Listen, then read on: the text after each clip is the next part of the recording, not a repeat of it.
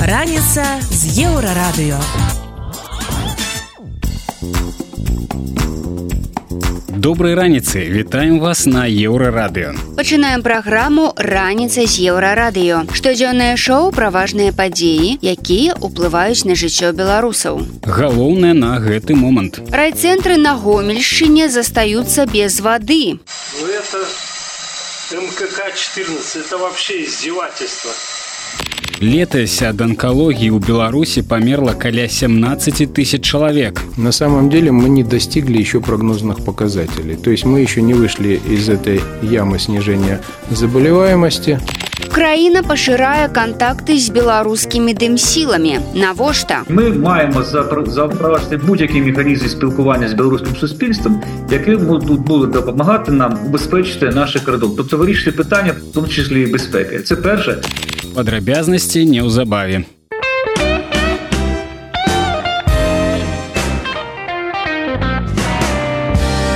Еўрарадыё. Раніца з еўрарадыё. На гомельшчыне цэлая хваля праблем з вадой. Спачатку нешта рудога колеру палілося з кранаў у жыхароў хойнікаў. улады некаторы час маўчалі а потым спіхнулі ўсё на станцыю абезжалезвання быццам праз яе ў трубах і з'явілася брудная вода І з'яву можна было б забыць як такую адзінкавую аварыю, але амаль адразу з'явілася інфармацыя пра яшчэ адзін горад з той жа праблемай. Ну это МКК-14, это вообще издевательство. Гэта каментарый жыхара рагачова, які здымае на відэа, як з крана ў яго кватэры льецца нешта колеру кавы. У аўторак праблемы з вадой узніклі ў раёне мясцовага малочна-кансервавага камбінату. Рэакцыя ўладаў у гэтым выпадку была хуткай. Яны адразу выдалілі гэтае відэа і паведамленні з мясцовых чатаў. Праўда, ад такога метаду вырашэння праблемы ні трубы, ні вада лепш не стануць. Абедзве віны паказваюць на сістэмныя праблемы ў жыллёва-камунальнай гаспадарцы Беларусі. Пра прычыны гэтага ў эфіры праекта абычнае утро нядаўна распавядаў эканаміст Уладзімир Кавалкін. сократили э, практически до нуля э, финансирование ЖКХ на республиканском уровне и все отдали значит, э, на местный уровень. Когда я говорю все отдали, это не значит, что местному уровню отдали побольше денег, это означает, что на республиканском сократили. Это называется модным словом оптимизация. Ну и, как водится, в э, таких условиях происходит недофинансирование инфраструктуры ЖКХ, которая выливается вот э, в низкое качество услуг, плохую воду, отключение, исчезновение тепла, света, какие-то еще проблемы. Застаецца толькі спадзявацца, што сітуацыя не стане зусім катастрафічнай. Каб беларусам не давялося ўспамінаць пра калодзежную ваду і пранне бялізны ў рацэ. Раніца з еўрарадыё. Далей у праграме раніца з еўрарадыё. Летась ад анкалогіі ў Беларусі памерла каля 17 тысяч чалавек. На самом деле мы не достигли еще прогнозных показателей. То есть мы еще не вышли из этой ямы снижения заболеваемости. Украіна пашырае кантакты з беларускімі дэмсіламі навошта Ми маємо запр- запровадити будь-який механізм спілкування з білоруським суспільством, які будуть будуть допомагати нам убезпечити наших кордон. Тобто вирішити питання, в тому числі і безпеки. Це перше. Працягнем неўзабаве. Раніца з еўрарадыё.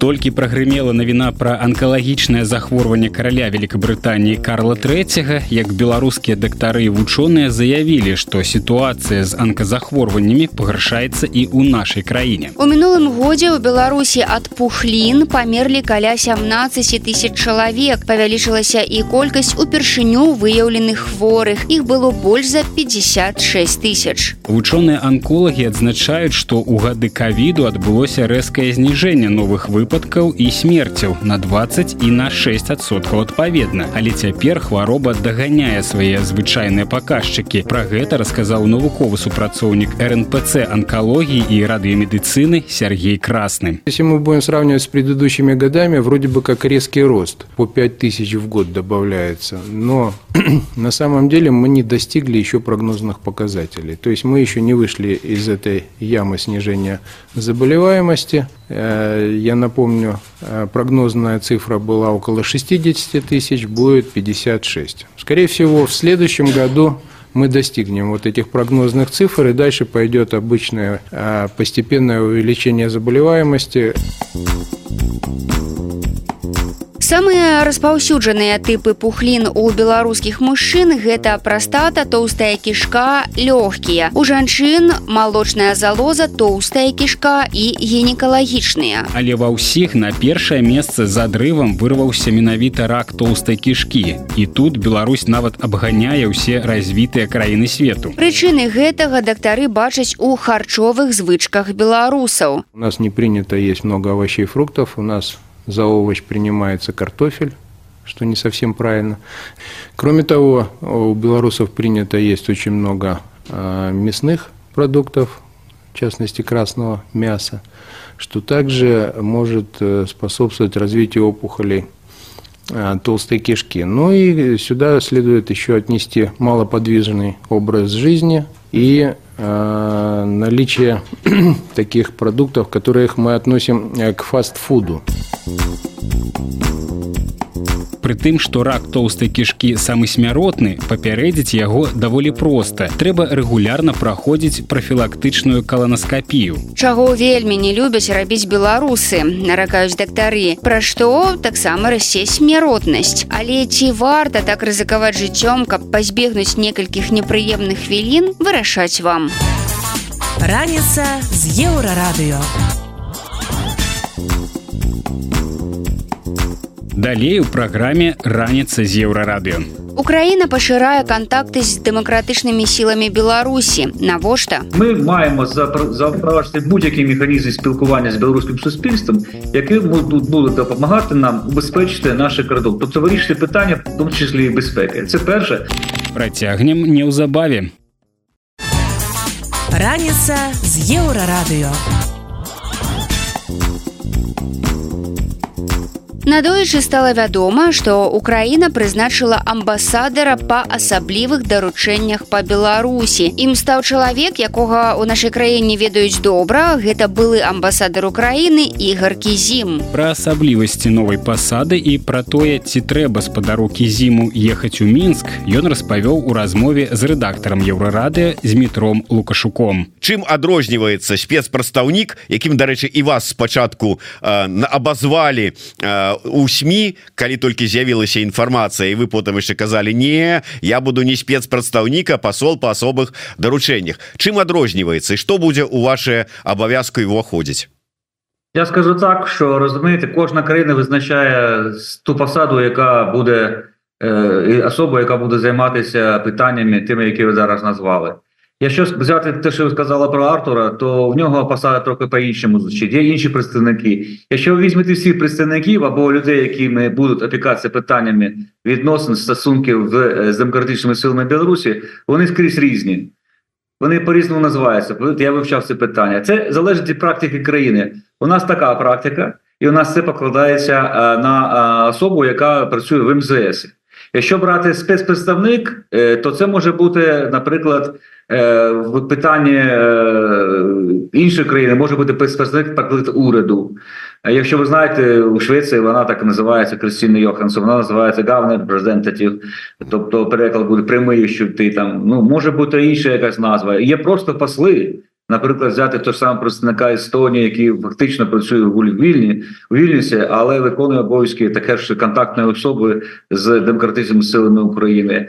Е, Ну розумієте, у нас просто практика така, що е, якщо людина в МЗС займається якоюсь країною або регіоном, то як правило покладаються на нього обов'язки ну комплексно, скажімо так. Ось ну до мене до мене тут, що ви розуміли, є департамент, є люди, які займаються питаннями безпосередньо, е, скажімо так, кураторством ці нашої амбасади, спілкуються. Ось і ну а в мене, оскільки трохи розширили ці е, обов'язки з урахуванням мого статусу. То все таки, і коли ми розмовляли з міністром закордонних справ, то виникла ідея, що все ж таки ми маємо враховувати реальність, яка наразі склалася у нас взагалі в цілому, і є демократичні сили Білорусі, які проводять свою політику, які знаходяться за кордоном, і чому ми маємо теж підтримувати з ними контакти. Я скажу, чому така думка прийшла, тому що хочемо ми цього чи ні. Відносини офіційні між Україною і Білорусі не становляться з року на рік кращими, скажімо так. У нас є залишається е, все ж таки е, за оцінками наших військових загроза з е, півночі України. Можливості повторення скажімо так подій 24 лютого 22 року, і тому ми маємо зараз спілкуватися не тільки з офіційним чинником, це ще не спілкуватися, а доводити до них наше занепокоєння, а можливо і більше, скажімо так, тісно співпрацювати із представниками народу Білорусі, мається на увазі суспільства як такового. А ми розуміємо, що суспільство зараз е, поділено білоруське, хочемо того ні на декілька частин. Ну головним е, розділом є те, що є частина білорусів, які живе в Білорусі, і є досить значна потужна частина, яка живе поза межами Білорусі. Тобто, в цьому випадку ми можемо і маємо, мені здається, апелювати і до того частини, і до того частини суспільства. І тут головне знов таки е, наше завдання, щоб убезпечити зробити безпечним кордон, який у нас, як ви пам'ятаєте, між Білорусі і Україною складає 1084 кілометри. От якщо так коротко розуміти, так. а сама форма, назва спілкування або як там, це вже залежить конкретно від практики країни перебування. Тобто, це у нас така практика склалася, вона є. І ўсё ж таки спадар Ігор что сталася прычынай прызначэння? Ну вот здавалася б столькі часу прайшло такого вот чалавека як вы такой пасады не было і раптам прынятае такое рашэнне. Чаму Я вам кажу, просто все стає реальністю, що все ж таки є в білоруській опозиції, білоруська сила демократична, яка перебуває за кордоном, і ми маємо запроваджувати будь-який механізм спілкування з білоруським суспільством, який буде допомагати нам убезпечити наш кордон. Тобто вирішити питання тому числі і безпеки. Це перше. По-друге, ми розуміємо, що демократичні сили Білорусі це не тільки центри, е, скажімо так, у Варшаві та у Вільнюсі, які я, як ви пам'ятаєте, називав вже в своїх деяких виступах, але у нас є така ж е, демократична сила, яка вважається центром певним. Це присутність е, полка Катуся Кадиновського. Тут у нас фактично бійців його так, і вони теж намагаються певний такий трек зробити політичний. Ось вони теж е, можуть роздатися як певний такий центр політичної е, сили, е, демократичних білорусних сил. Хочемо того чи ні. Я я вважаю, що вважаю, що все ж таки ситуація буде змінюватися. Ми маємо думати наперед, і ми маємо чітко знати і розуміти, що буде з Білорусією. Ну, ну там не скажімо, не на найближчий час, але все ж таки після демократичних перетворень, які я впевнений, відбудуться в Білорусі А, маленькое удакладненне на сёння дыпламатычныя адносіны паміж Киевам і мінскам на якім узроўні знаходіцца вони знаходяться на узроўні тимчасового представника письмового від'їзду це автоматично виконує старший дипломат, який знаходиться. Він формально ну, він представляє Україну так мовити офіційно, тобто через нього йде може йти будь-яка комунікація якщо відбувається між українською владою та е, цей цей офіційним е, владою теперішньою в Білорусі, це буде будь-яких питань. Наприклад, нещодавно було комунікація щодо кордону, там тобто кордонні питання, деякі були такі технічні вирішили, там щось за межами так стояло, чи щось таке. Може бути спілкування з приводу наших полонених, ну не полонених, а ув'язаних точніше. Це наша займається консульська служба, і може бути взагалі комунікація щодо консульських питань з будь-яких консульських питань щодо надання допомоги, в тому числі з повернення в Україну. Е, і це все відбувається через наше офіційне представництво в Мінську. Очевидно, що е, сьогодні ми не говоримо про будь-які політичні стосунки, і я можу сказати, що і про економічні. Тобто вони всі у нас, як ви пам'ятаєте, були зроблені на паузі. Зараз прибувають. а особливо після того, як з території Білорусі почалося вторгнення, фактично вони зведені до нуля. А крім, е, якщо брати так конкретно, то треба говорити про існування більше таких е, вирішення питань консульського характеру, скажімо так, що стосується конкретних людей. Тым не менш вы працаўнік міністэрства замежных справаў Украіны. Ну то есть афіцыйны чалавек чыноўнік дыпламат афіцыйны. І зараз вы атрымалі у міністэрстве замежных справаў пасаду амбасадар по асобых даручэннях по Беларусі. Вы можете приехать у Беларусі сесці ў свой кабінет былы у посольстве Украины у мінску. Там я не ведаю позвонить у МЗС лукашэнкаўскі сказать так я тут посол по особых даручэннях организуйте мне сустрэчу з лукашенком Ні, це різні статуси Дмитро, треба розуміти дипломатичну службу. Посол України в Білорусі призначається указом президента і має повноваження від президента спілкуватися з вищими керівними особами тої держави, де він призначений. Для цього пишуться вірчі грамоти і таке інше. А посольство особливе доручення, я ще раз кажу, це посада, яка знаходиться в Міністерстві закордонних справ. То я, звісно, можу комунікувати будь ким. І мені треба обов'язково їхати у Мінськ, щоб позвонити якомусь чиновнику, якого телефон не знаю, у Міністерства закордонних справ Білорусі, скажімо так. Чи можна мені в'їжджати туди, чи не можна в'їжджати, це вирішує вже влада Білорусі теперішня. Тобто рішення буде допуску. Але якщо буде така потреба, тоді будемо говорити. Тут не можу говорити наперед. Формально, формально, мені е, мене, наскільки я знаю, що не включили будь-який список невізних, скажімо, осіб.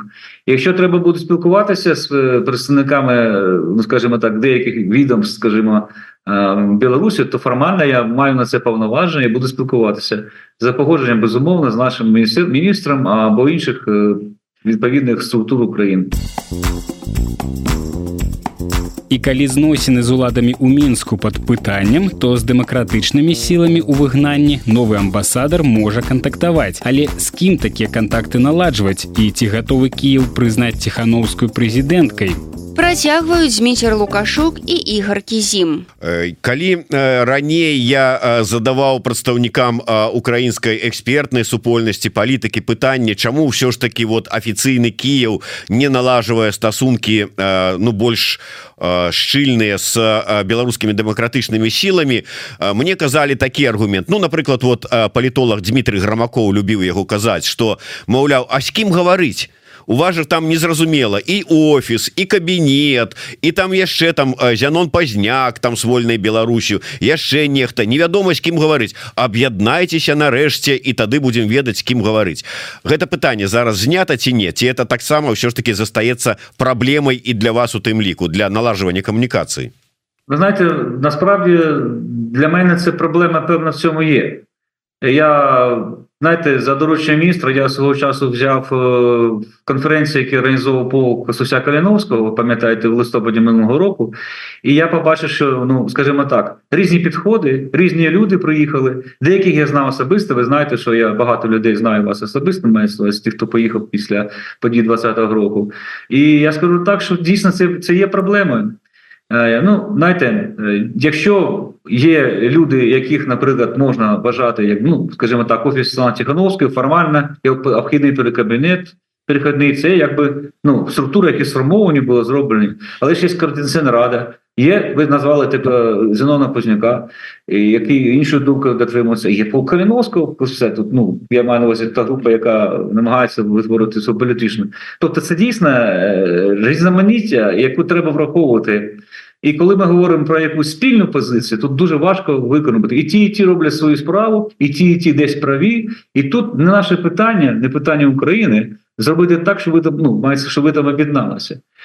Вам будь-хто в Україні скаже, що якщо була б один центр прийняття рішень, а одна була єдина команда, скажімо так, з боку демократичних сил, то тоді, звісно, спілкування було зовсім на іншому рівні і зовсім по іншому. А так, навіть для того, щоб мені зараз опрацювати якесь бачення і внести якісь пропозиції щодо подальшого співробітництва або, скажімо, контактів з лідерами демократичної опозиції, я маю враховувати принаймні три щонайменше, а то і більше позиції різних різних сил, які власне займаються одним і тим. Розумієте?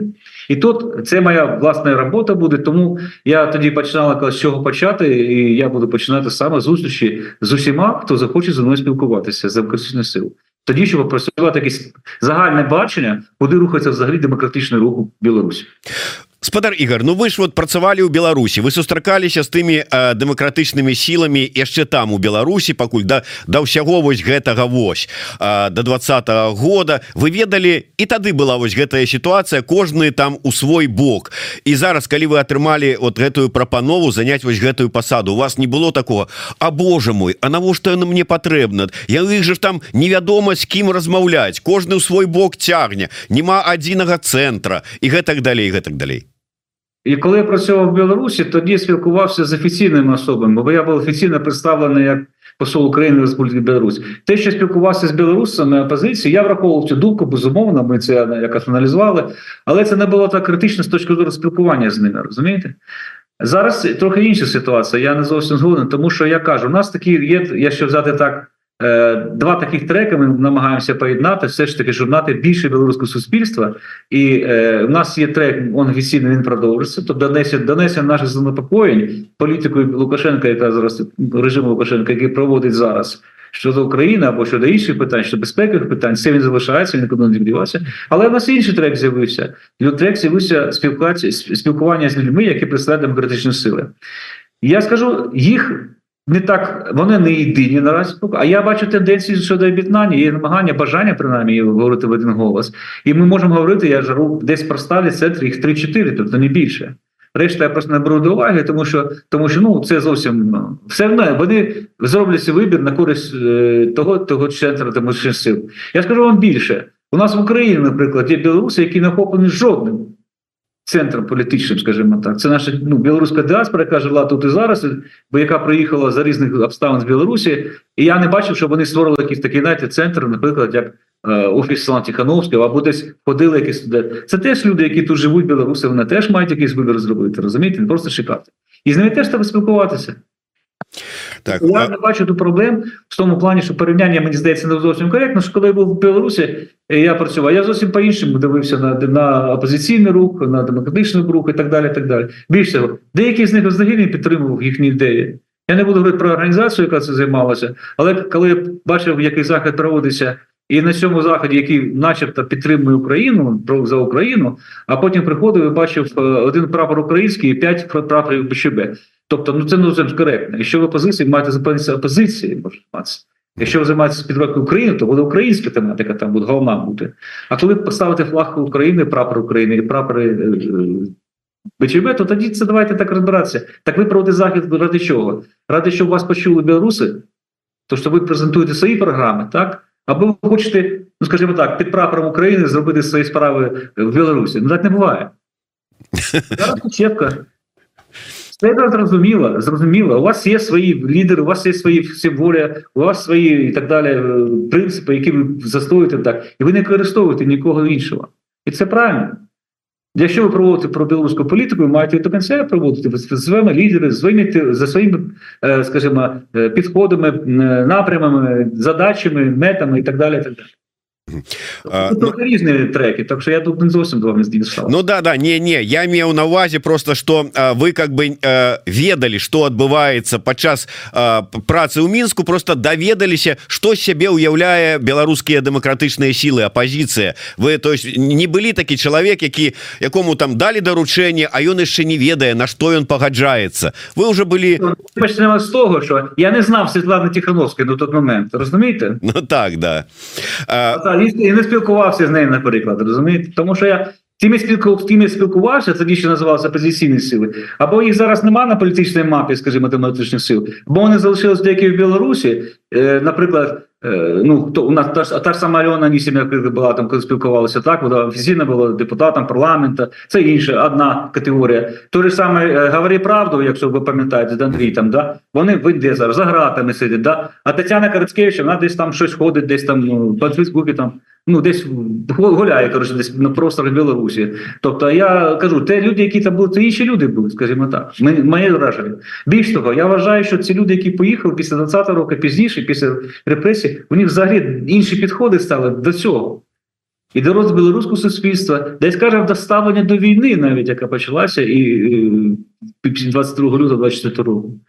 Все помінялося. Да, тут вы правы а, так удакладняюць у вас ці ўсё ж таки можа пан амбасадар весці пераговоры с афіцыйным мінскам Якщо буде таке доручення, ми будемо це питання опрацьовувати так скажу дипломатично Якщо буде таке доручення президента або міністра закордонних справ і білоруська сторона погодиться це робити за моєю участю ми будемо такі переговори проводити Якщо буде потреба цьому так пытанне таксама ці азначае яго прызначэнне тое что Кіев прызнаў Святлану тихохановскую прэзідэнткай я би так не казав ми завжди признавали Святлану тихохановскую Святлану як одного з лідерів демократичних сил Білорусі я би так сказав і мабуть мабуть таке у нас по самого початку було і воно має бути ну якось коли я працював послом ми якось коментували це питання я теж на той момент зараз скажімо так тоді можливо було встановити факт перемоги, скажімо так, перерахунком цих голосів, бо там дуже багато було питань, як це було.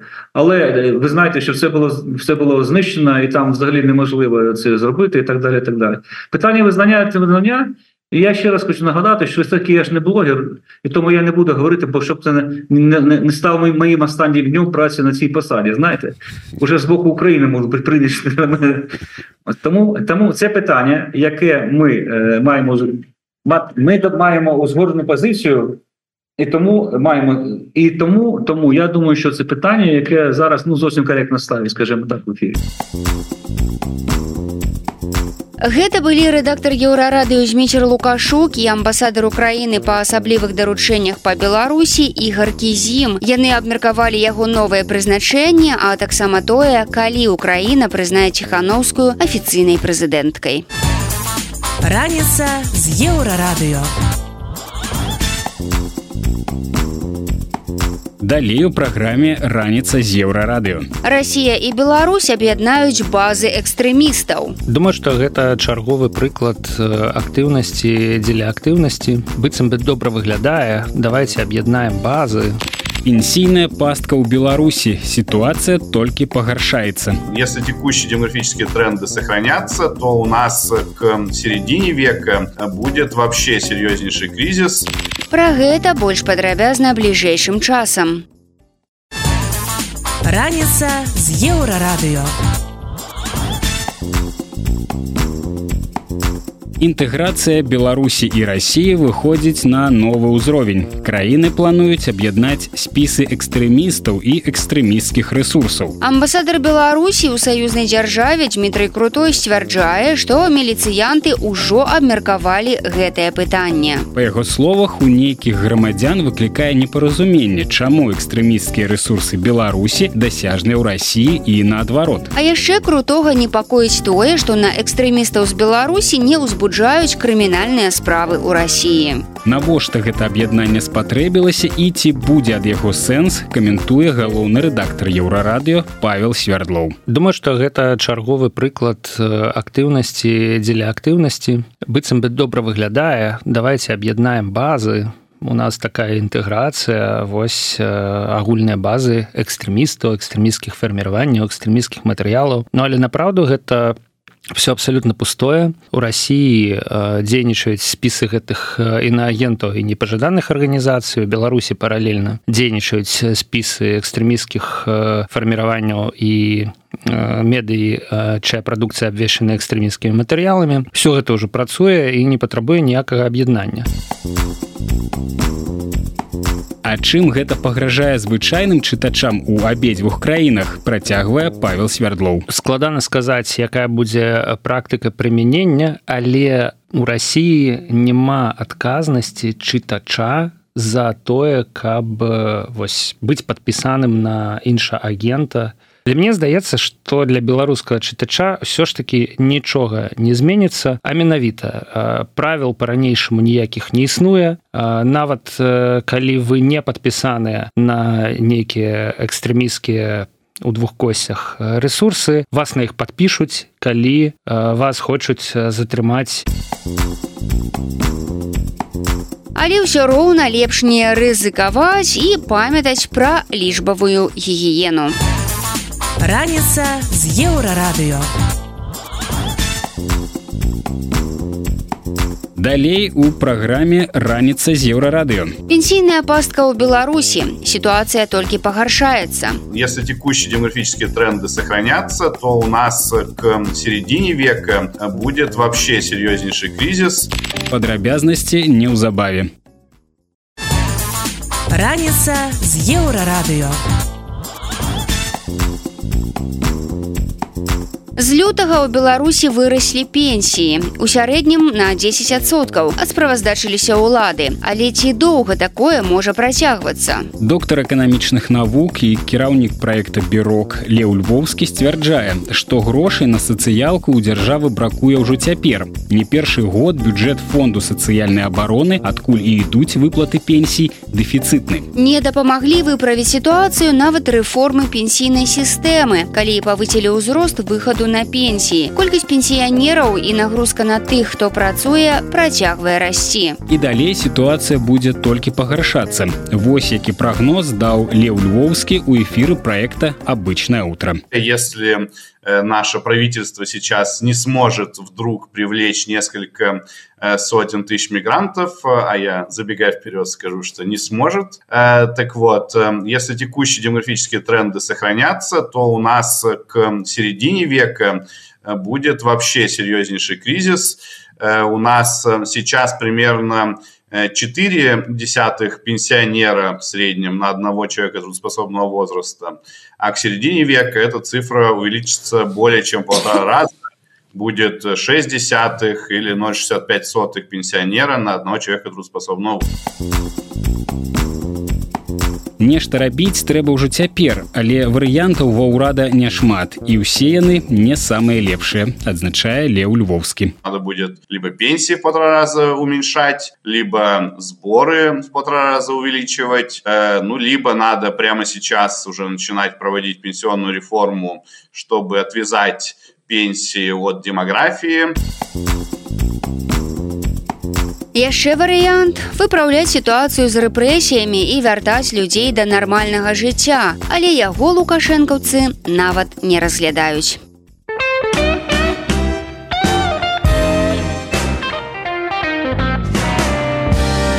Еўрарадыё. Раніца з еўрарадыё хутка працягнецца. Вас чакае яшчэ шмат цікавага, не пераключайцеся.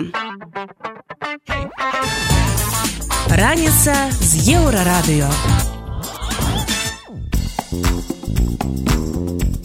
Вяртаемся на еўрарадыё і працягваем ранішні эфір.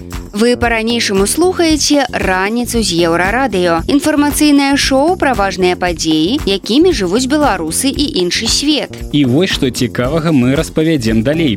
Як развіваецца лічбавая платформа новая Беларусь. И мы не хотим, чтобы люди, там, имея установленное приложение внутри страны, могли подвергаться за это какой-то опасности. Александр Меленкевич тлумачыць, чаму крамлю выгадна аслабленне ціхановскай. Сёння уплываць на змены ў Беларусі мы можам толькі ў малай ступені. Як урад Канады падтрымлівае дэмакратычныя памкненні беларусаў. Вядома, мы будзем. Такое пытанне нават не стаіць. Пра гэта ды іншае больш падрабязна цягам бліжэйшай гадзіны.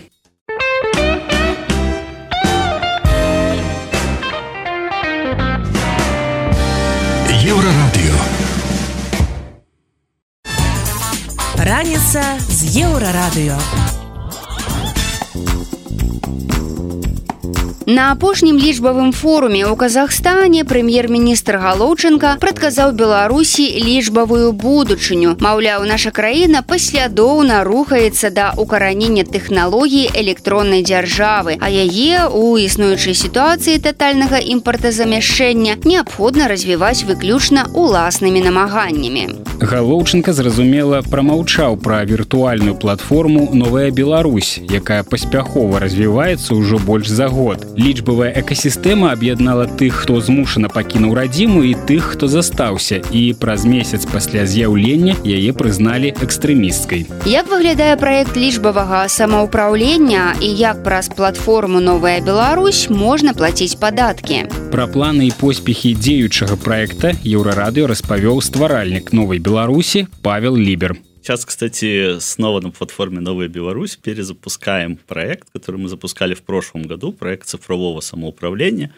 когда мы предлагаем белорусам и белорускам в Польше и Литве через свои налоговые декларации отдать часть благотворительного налога нашим партнерам. И, собственно, мы как платформа опять будем устраивать генерацию идей, обсуждение идей и, собственно, помогать потом с воплощением проекта в жизнь. То есть и в этом году у нас э, добавится еще возможность поучаствовать просто за э, фиксированную сумму денег тем, кто не хочет это делать через декларации, и появится возможность выбирать не проекты только для Польши и Литвы, а какие-то глобальные проекты, то есть онлайн-проекты, которые были, были бы полезны всем. А с прошлого года, вот буквально недавно, по-моему, две недели назад, вот один из проектов уже запустился, это белорусская библиотека в Вильнюсе. То есть можно через сайт увидеть все книжки, сделать предварительный заказ, прийти, взять книжку, вот уже работает. Что показывает, что, в принципе, проект несет свою большую пользу. Павел давай трошку ўсё ж таки патлумачым нашим гледачам больш падрабязна пра што размова значит беларусы Ну не толькі беларусы карацей кажучы падаткавае заканадаўства у краінах про якія мы зараз скажем найперш это Польша і літва пабудавана таким чынам что калі ты запаўняешь напрыканцы дакладней на пачатку года дэкларацыі падаткавыя за мінулы год у цябе ёсць магчымасць полторы проценты Ну калі мы кажам про Польшу пералічыць на нейкія грамадскія арганізацыі і ты альбо выбираешь сам на якую арганізацыю пералічыць альбо калі табе гэта лянотна там ці яшчэ что у цябе ўсё одно гэтыя полторы процента забіраюць але рандомна тады аддаецца нейкім там чынам на арганізацыю ну просто на якую-нибудь іншую і ўсё. Але ўсё ж таки Прычым тут новая Беларусь? Якім чынам яна плануе генерировать гэтыя зборы а, там ці гэтыя грошы гэтыя частку падаткаў прычым з беларусаў у абодвух краінаў? Да я расскажу про механизм по сути новая Беларусь здесь является оркестратором всего этого процесса потому что сами эти деньги не идут новой Беларуси через налоговые декларации не идут нашим партнерам а новая Беларусь в данном случае, ну, во-первых, делает всю медиакомпанию, во-вторых, дает весь инструментарий, чтобы люди решили, как эти деньги потратить. Потому что в отличие от просто перечислить деньги на благотворительную организацию, здесь как раз-таки нет того, что кто-то забирает эти деньги себе. То есть идея в том, что люди по сути, формируют условный бюджет через свои налоговые декларации. И тут же, что интересно, что это же деньги виртуальные. То есть мы даже не просим доставать из кошелька какие-то реальные деньги. Вы очень правильно сказали, что государство в любом случае эти деньги забирает. Просто либо человек указывает конкретно, куда он их передает, либо государство само решает, куда их передает. И формируется условный бюджет. В прошлом году он составил около 47 тысяч евро в сумме с двух стран. И это оказалось гораздо больше, чем мы планировали. А, сколько он будет в этом году, я не знаю. Я очень надеюсь, что еще больше, потому что, соответственно, чем больше денег, тем более масштабные проекты можно сделать. И э, идея в том, что когда люди формируют такой бюджет, мы после этого даем инструментарий, когда люди могут предлагать идеи, обсуждать идеи, голосовать за них. Проходит там несколько стадий, проходит отфильтровывание идей, которые не соответствуют там целевым тратам. И в конце остаются идеи победителей, и, соответственно, их авторы вместе с нами или без нас, собственно, могут за эти деньги воплощать эти идеи в жизнь.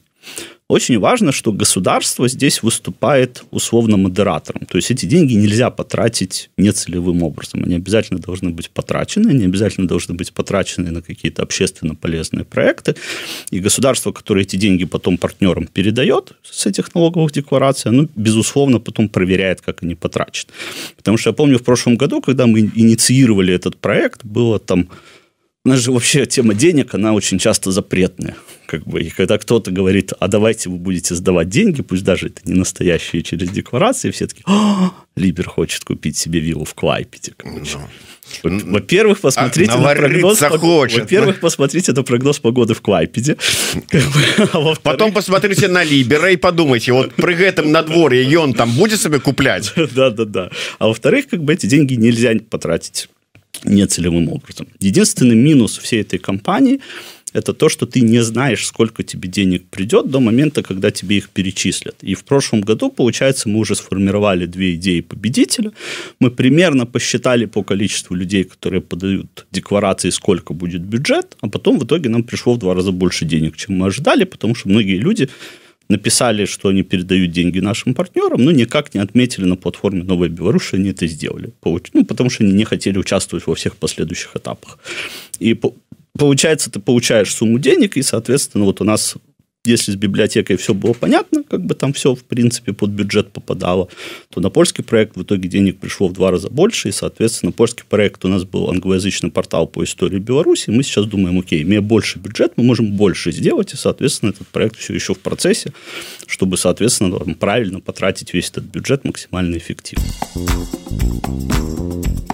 Перад праектам Паўла Лібера стаіць шмат выклікаў. Сярод іх пытанне бяспекі, якое турбуе беларусаў ва ўмовах бясконцых рэпрэсій. Бо мы ведаем, што хакеры перыядычна ўзламваюць серверы кампаній і за грошы публікуюць адрасы паштовых скрыняў, нумары пашпартоў і тэлефонаў ды іншую інфармацыю. Тое ж самае патэнцыйна можа адбыцца і з новай Беларусю.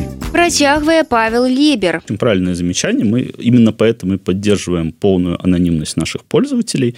И более того, внутри Беларуси мы рекомендуем удалить приложение. У нас во всех соцсетях есть инструкции, как удалить приложение, потому что Новая Беларусь признана экстремистским формированием, и мы не хотим, чтобы люди, там, имея установленное приложение внутри страны, могли подвергаться за это какой-то опасности.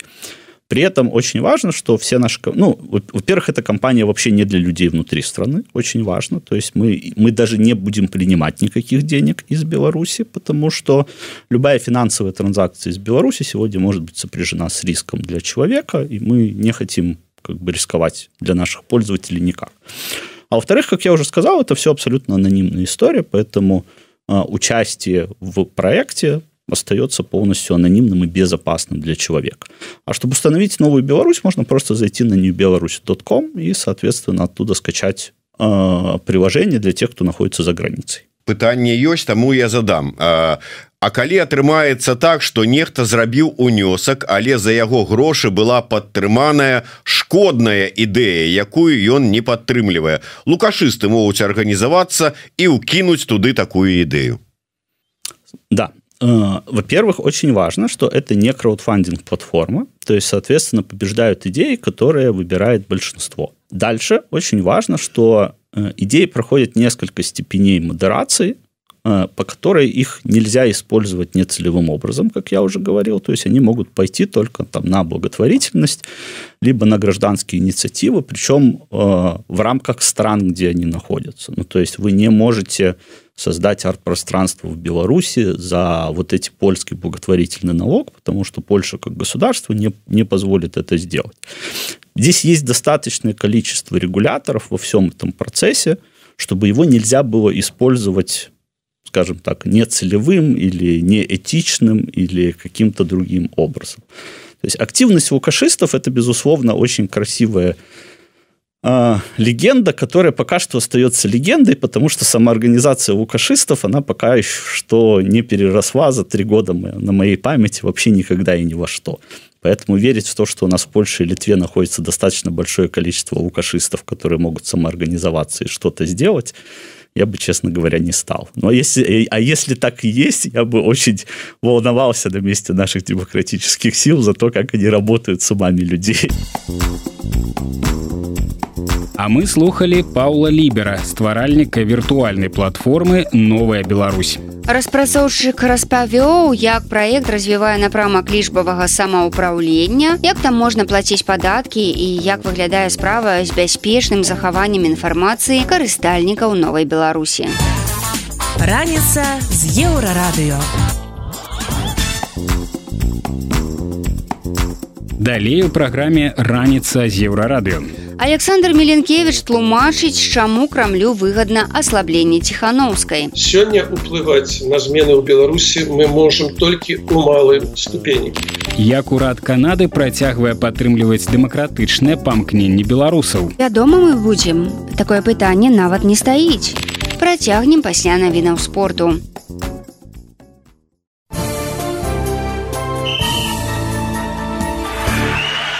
На еўрарадыё навіны спорту.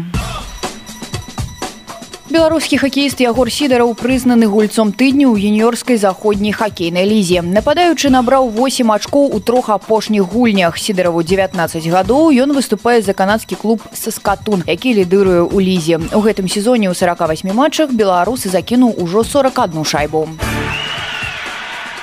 Фінал чатырох сеха лігі пройдзе ў брэсце. Ён стартуе 31 траўня піша трыбуна. На дадзены момант завяршаецца групавы этап. Ужо вядомы чвэрцьфінальныя пары. У іх мяшкоў брест згуляе з магілёўскім машэкам. А мінскі сказ сустрэнецца з зенітам у Беларусы паўдзельнічаюць у чэмпіянаце свету па плаванні ў катары. Спаборніцтвы пачынаюцца 11 лютага. На іх выступяць прадстаўнікі амаль 200 краін. Беларусь прадставяць Анастасія куляшова Аліна з мужком Анастасія шкурдай і Ілля шыманович яны пазмагаюцца за медалі за кваліфікацыйныя ліцэнзіі на алімпійскія гульні. у 46гадовы Віктор ганчаренко другі беларускі трэнер на рахунку якога больш за 600 матчаў вышэйшага ўзроўню ў кар'еры. А лідыруе 63гадовы юрый пунтус. У яго 718 гульняў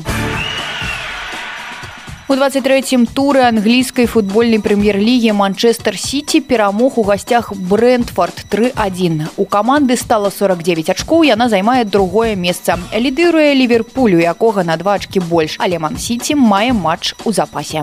Гэта былі навіны спорту на еўрарадыё. Заставайцеся з намі. Раніца з еўрарадыё.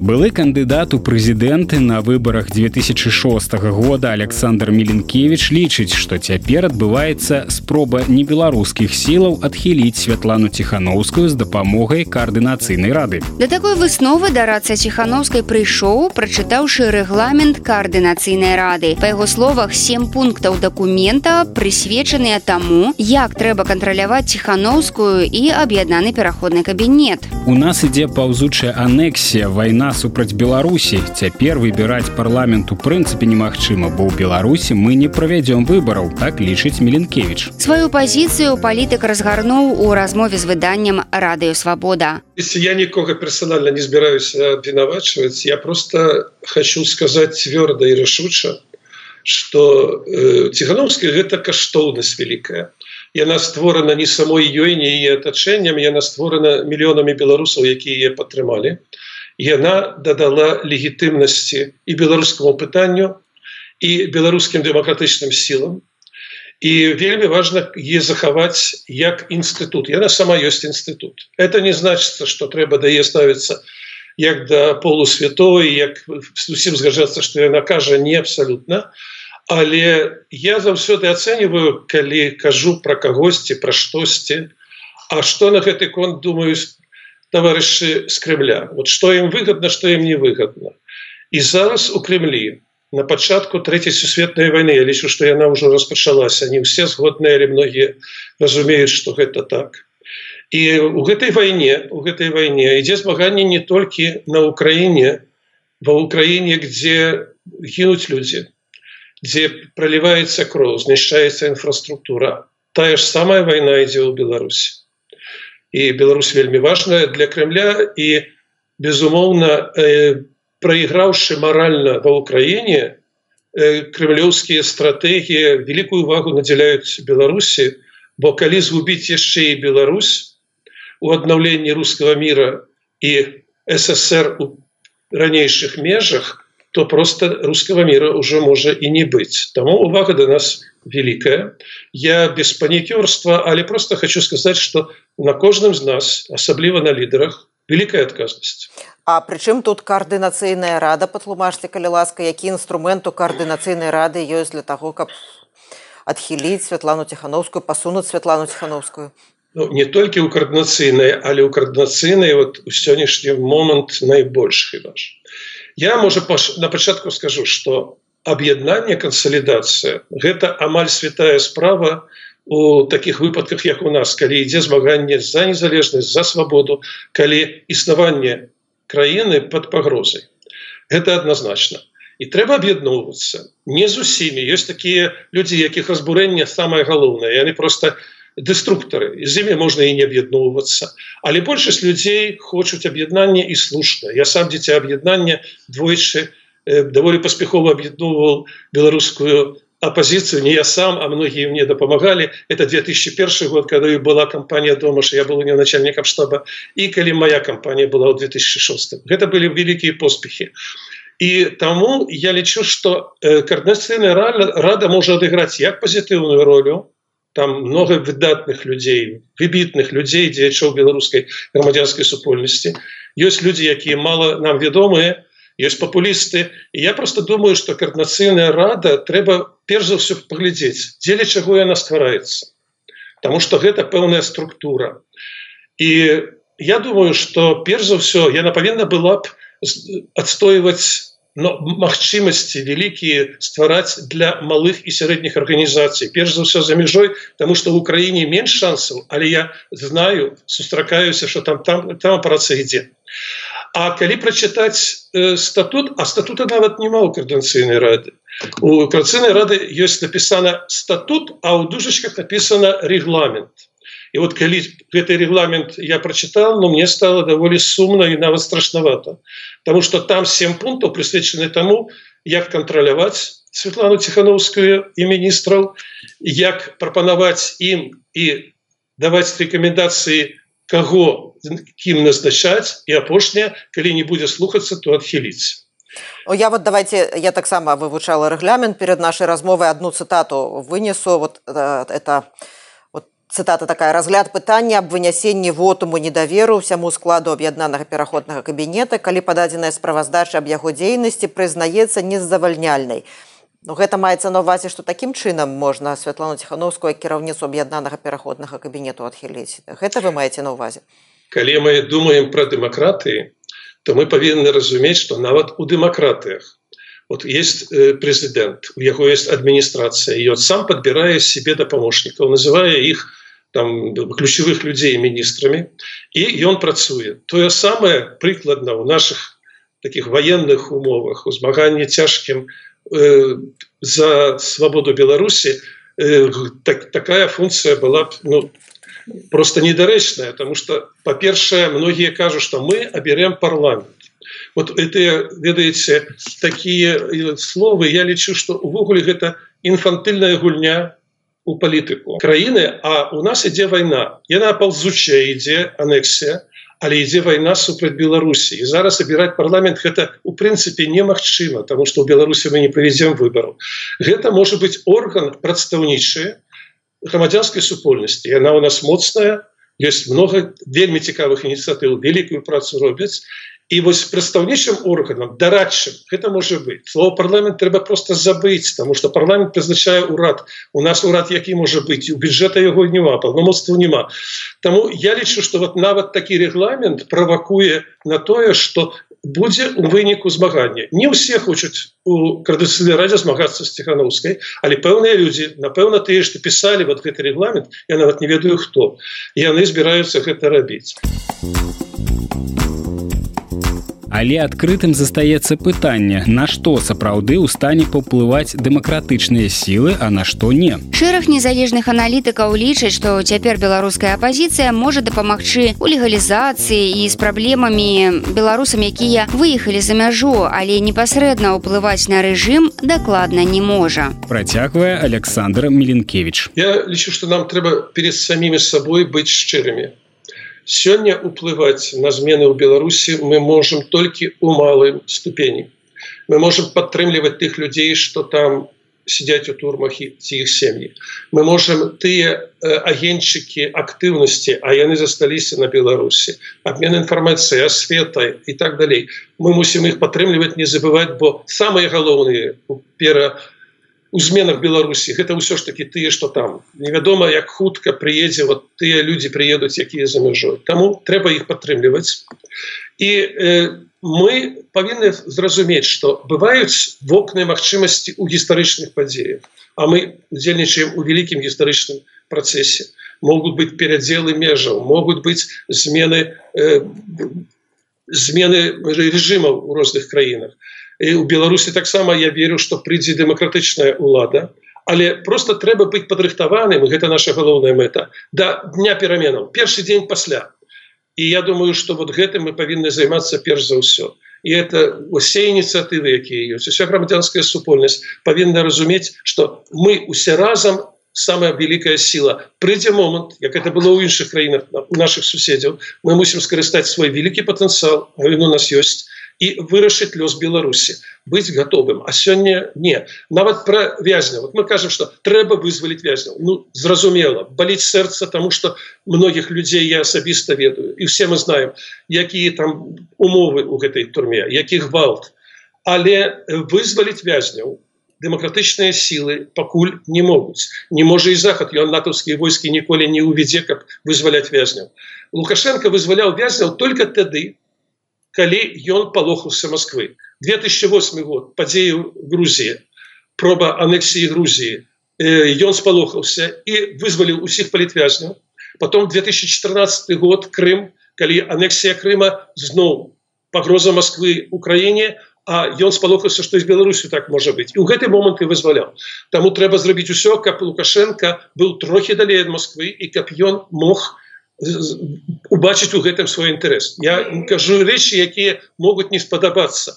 Але дыалог вызваляў але дыалог пачынаўся захадам тады калі под пагрозай была ўлада лукашэнкі. Он бае толькі про сваю ўладу і але лёс беларусі сёння збольшага у яго бо ён кантралюе незаконна краіну беларусі вы гаворыце про тое что трэба быць падрыхтаваным что будзе ў наступны дзень пасля таго як наступяць перамены гэта азначае такі рэжым чакання калі дэмакратычныя сілы не могуць уплываць на сітуацыю беларусі ці вот ну, працягваць займацца вот як артём шрайбан напрыклад кажа что вот ну рэальна цяпер палепшыць там сітуацыю з легалізацыяй беларусаў за мяжуе вот такія пытанні звязаныя з беларусамі якія з'ехалі але вот не ў стане наўпрост уплываць на рэжым так это вот ну сапраўды такая тактыка что так такая стратегія что дапамагаць тым хто за мяжой а і чакаць вот што будзе на наступны дзень калі наступяць перамены?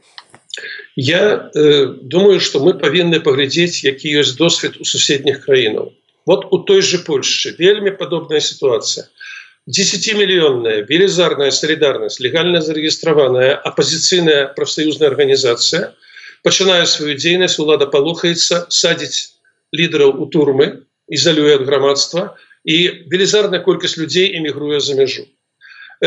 У краіне галоўная мэта была не падставляцца не рабіць якіх-то зноў забастовак акцый але працаваць на асвету на на адукацыю на структуры. І они адышлі у такую працу працу подпольную і много много зрабілі. І ўжо там праз 8 гадоў был круглы стол і адбыліся змены у Польшчы. Польша но амаль 10 гадоў ішла да свабоды. Мы зробім гэта хутчэй. Я ў гэтым упэўнены, таму што час інтэрнету, час маладых людзей, якія ў большасці за іншую Беларусь, новую Беларусь, годную Беларусь. І мы просто маем лепшыя перспектывы нам чым, нават чым палякі.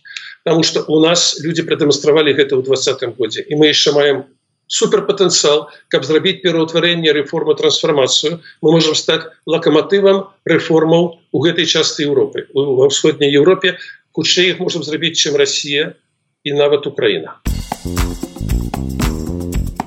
З намі быў палітыкі дарацыя офісу святланы ціхановскай Александр Меленкевич. Ён распавёў, чаму на яго думку не беларускія сілы спрабуюць адхіліць ціхановскую ад працы праз каардынацыйную раду і пагадзіўся, што сёння на палітычную сітуацыю Беларусі вельмі цяжка паўплываць. Раніца з еўрарадыё. Далей у праграме раніца з еўрарадыё. Як урад Канады падтрымлівае дэмакратычнае памкненне беларусаў. Вядома, мы будзем. Такое пытанне нават не стаіць.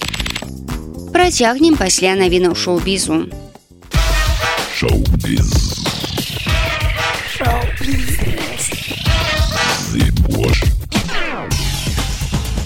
Вітаю гэта навіны шоу-бізу.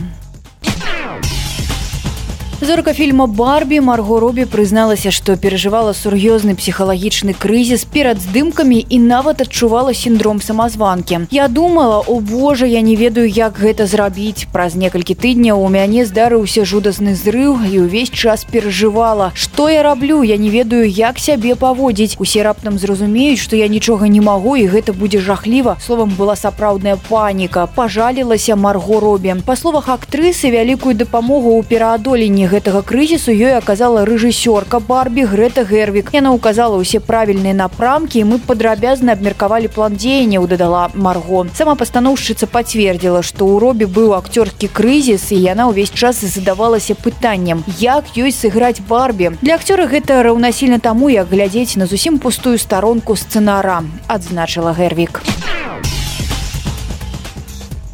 стваральнік фантастычнай франшызы аватар джеймс кэмерон растлумачыў затрымкі з вытворчасцю працягаў. Паводле яго слоў спатрэбілася некалькі гадоў пошукаў каб стварыць неабходныя інструменты якія даюць магчымасць вывесці новыя эпізоды на зусім іншы ўзровень. Спатрэбілася каля восьмі гадоў на распрацоўку тэхналогіі. Мы пачалі сумесныя здымкі другога і трэцяга фільмаў толькі ў верасні 2017 і за гэты час быў створаны зусім новы набор інструментаў для працы з вадой з персанажамі якія дазваляюць са 100соткавай дакладнасцю перадаваць эмоцыі гульню акцёраў так што гэта было даволі складаная тэхнічная распрацоўка і просто доўгі крапатлівы працэс. Самі здымкі цяпер праходзяць штодзённа прыкладна ў тэмпе звычайнага фільма а затым будзе вельмі доўгі постпрадакшн дзе вы прымушаеце ўсё выглядаць ну абсалютна рэальным распавёў джеймс кэмерона які наведаў цырымонію ўручэння прэміі сатурны вордс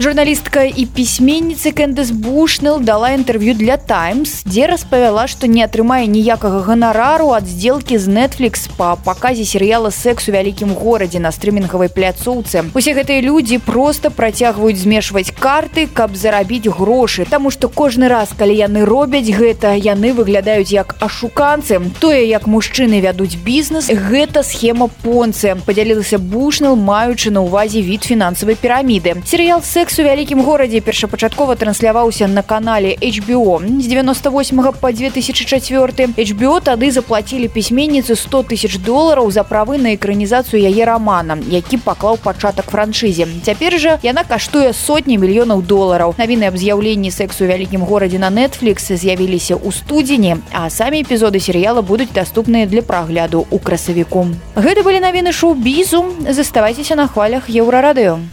Biz. Раніца з еўрарадыё.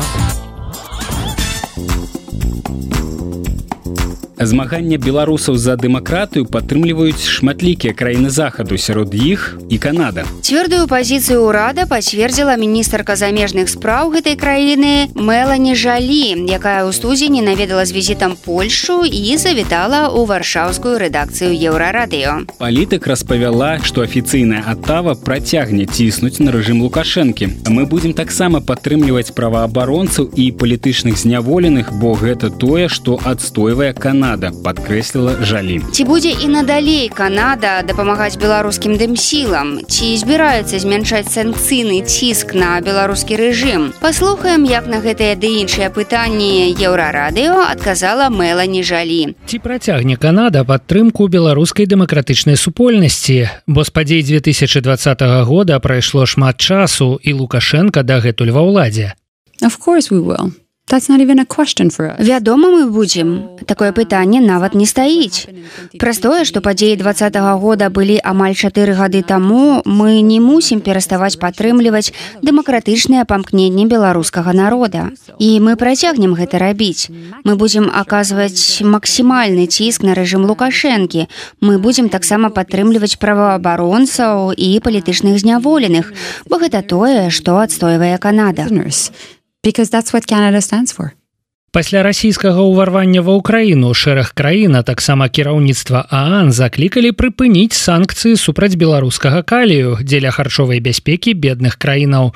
Ці плануе Канада адмяняць гэтыя санкцыі? So we've kept the Мы захавалі гэтыя санкцыі, бо па-першае, мы верым у іх. А па-другое, мы лічым, што яны працуюць. Разам з тым, з нашага боку мы працягнулі падтрымку многіх краін праз сусветную харчовую праграму, бо менавіта гэта і было праблемай. Пытанне было ў адсутнасці харчовай бяспекі. Мы таксама паклапаціліся аб тым, каб павялічыць экспарт калійных угнаенняў. І мы паклапаціліся, каб вырашыць праблемы харчовай бяспекі многіх краін Афрыкі і блізкага ўсходу. Канада з'яўляецца чацвёртым па велічыні донарам сусветнай харчовай праграмы. Вось наш спосаб вырашыць гэтую праблему. І мы працягнем, як я згадвала, аказваць ціск на рэжым лукашэнкі з дапамогай эканамічных санкцый. І угнаенне асноўная сфера, у якой мы працягнем уздзейнічаць. На фоне ролі лукашэнкі ў пуцінскай агрэсіі супраць Украіны некаторыя палітыкі заяўляюць, што санкцыі не дасягаюць мэтаў і прапануюць дыялог, каб паспрабаваць змяніць паводзіны рэжыма. Як вы да гэтага ставіцеся? Well, we know that uh, Russia has illegally invaded Ukraine. Мы ведаем, што Расія незаконна ўварвалася ва ўкраіну. Мы ведаем, што сумная другая гадавіна паўнамасштабнага ўварвання будзе ў лютым. Мы таксама ведаем, што Пуін вельмі блізкі з лукашэнкам і лукашенко яго проксі. Пакуль гэта не зменіцца і пакуль Беларусь не зменіць свой курс, мы працягнем аказваць такую форму ціску. На дадзены момант мы ўжо ўвялі абмежаванні супраць больш чым сотні людзей і арганізацый і думаем, што гэта працуе. Мы думаем, што можам увесці больш санкцый у дачыненні да большай колькасці людзей і арганізацый. Мы будзем працаваць, вядома, разам з ЕС, з ЗША і іншымі краінамі вялікай сямёркі для ўвядзення гэтых абмежаванняў. Урэшце мы лічым, што ціск не толькі карысны, але мы яшчэ і пасылаем выразны сігнал пра тое, што калі Пуін вырашыў уварвацца ва ўкраіну, гэта было парушэннем статута ААН, гэта было супраць міжнароднага права, гэта было супраць тых самых прынцыпаў, якія гарантавалі нам бяспеку з часоў другой сусветнай вайны. І тое, што украінцы робяць цяпер, яны змагаюцца і паміраюць за ўласную свабоду. Але ў той жа час яны таксама змагаюцца за нашу свабоду, не толькі ў Еўропе, але і па той бок Атлантыкі і за гэтую паўночна-атлантычную бяспеку, якая так важная для сусветнага росквіту.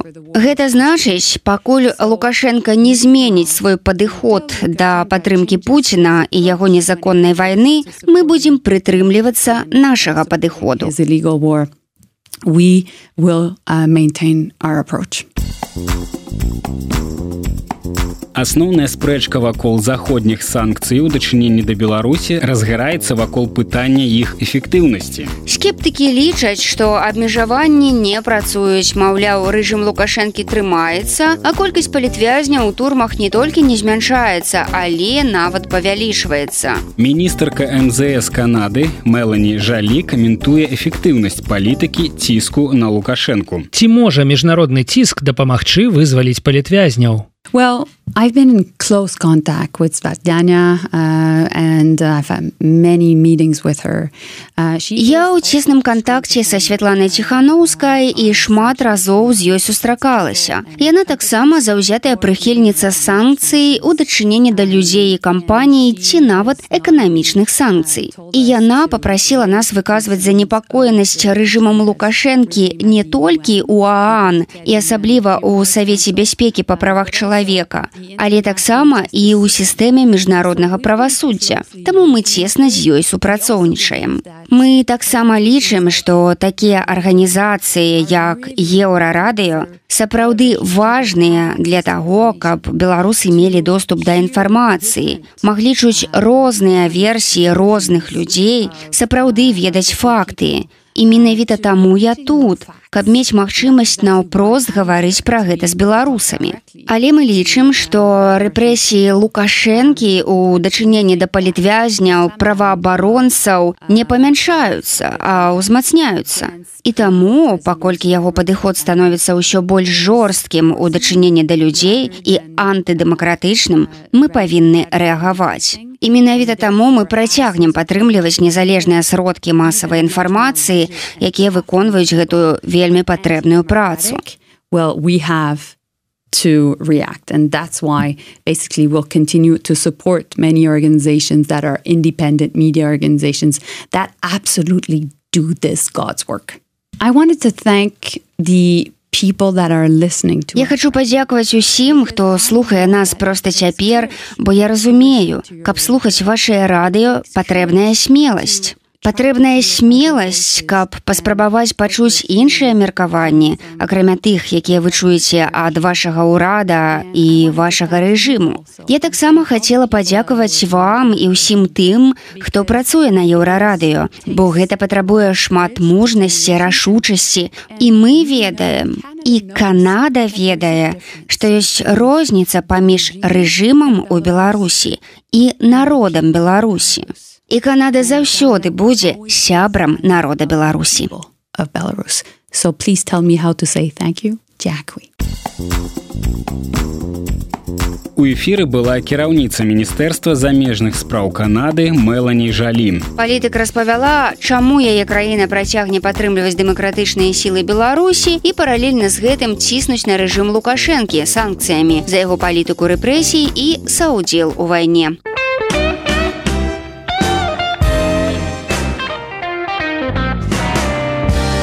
Еўрарадыё. Гэта былі самыя важныя навіны і сэнсы раніцы з еўрарадыё. Заўтра ранкам мы зноў распавядзем вам пра галоўнае, што адбываецца ў краіне і свеце. Сустракаемся ў той жа час у тым жа месцы. Беражыце сябе. Пачуемся.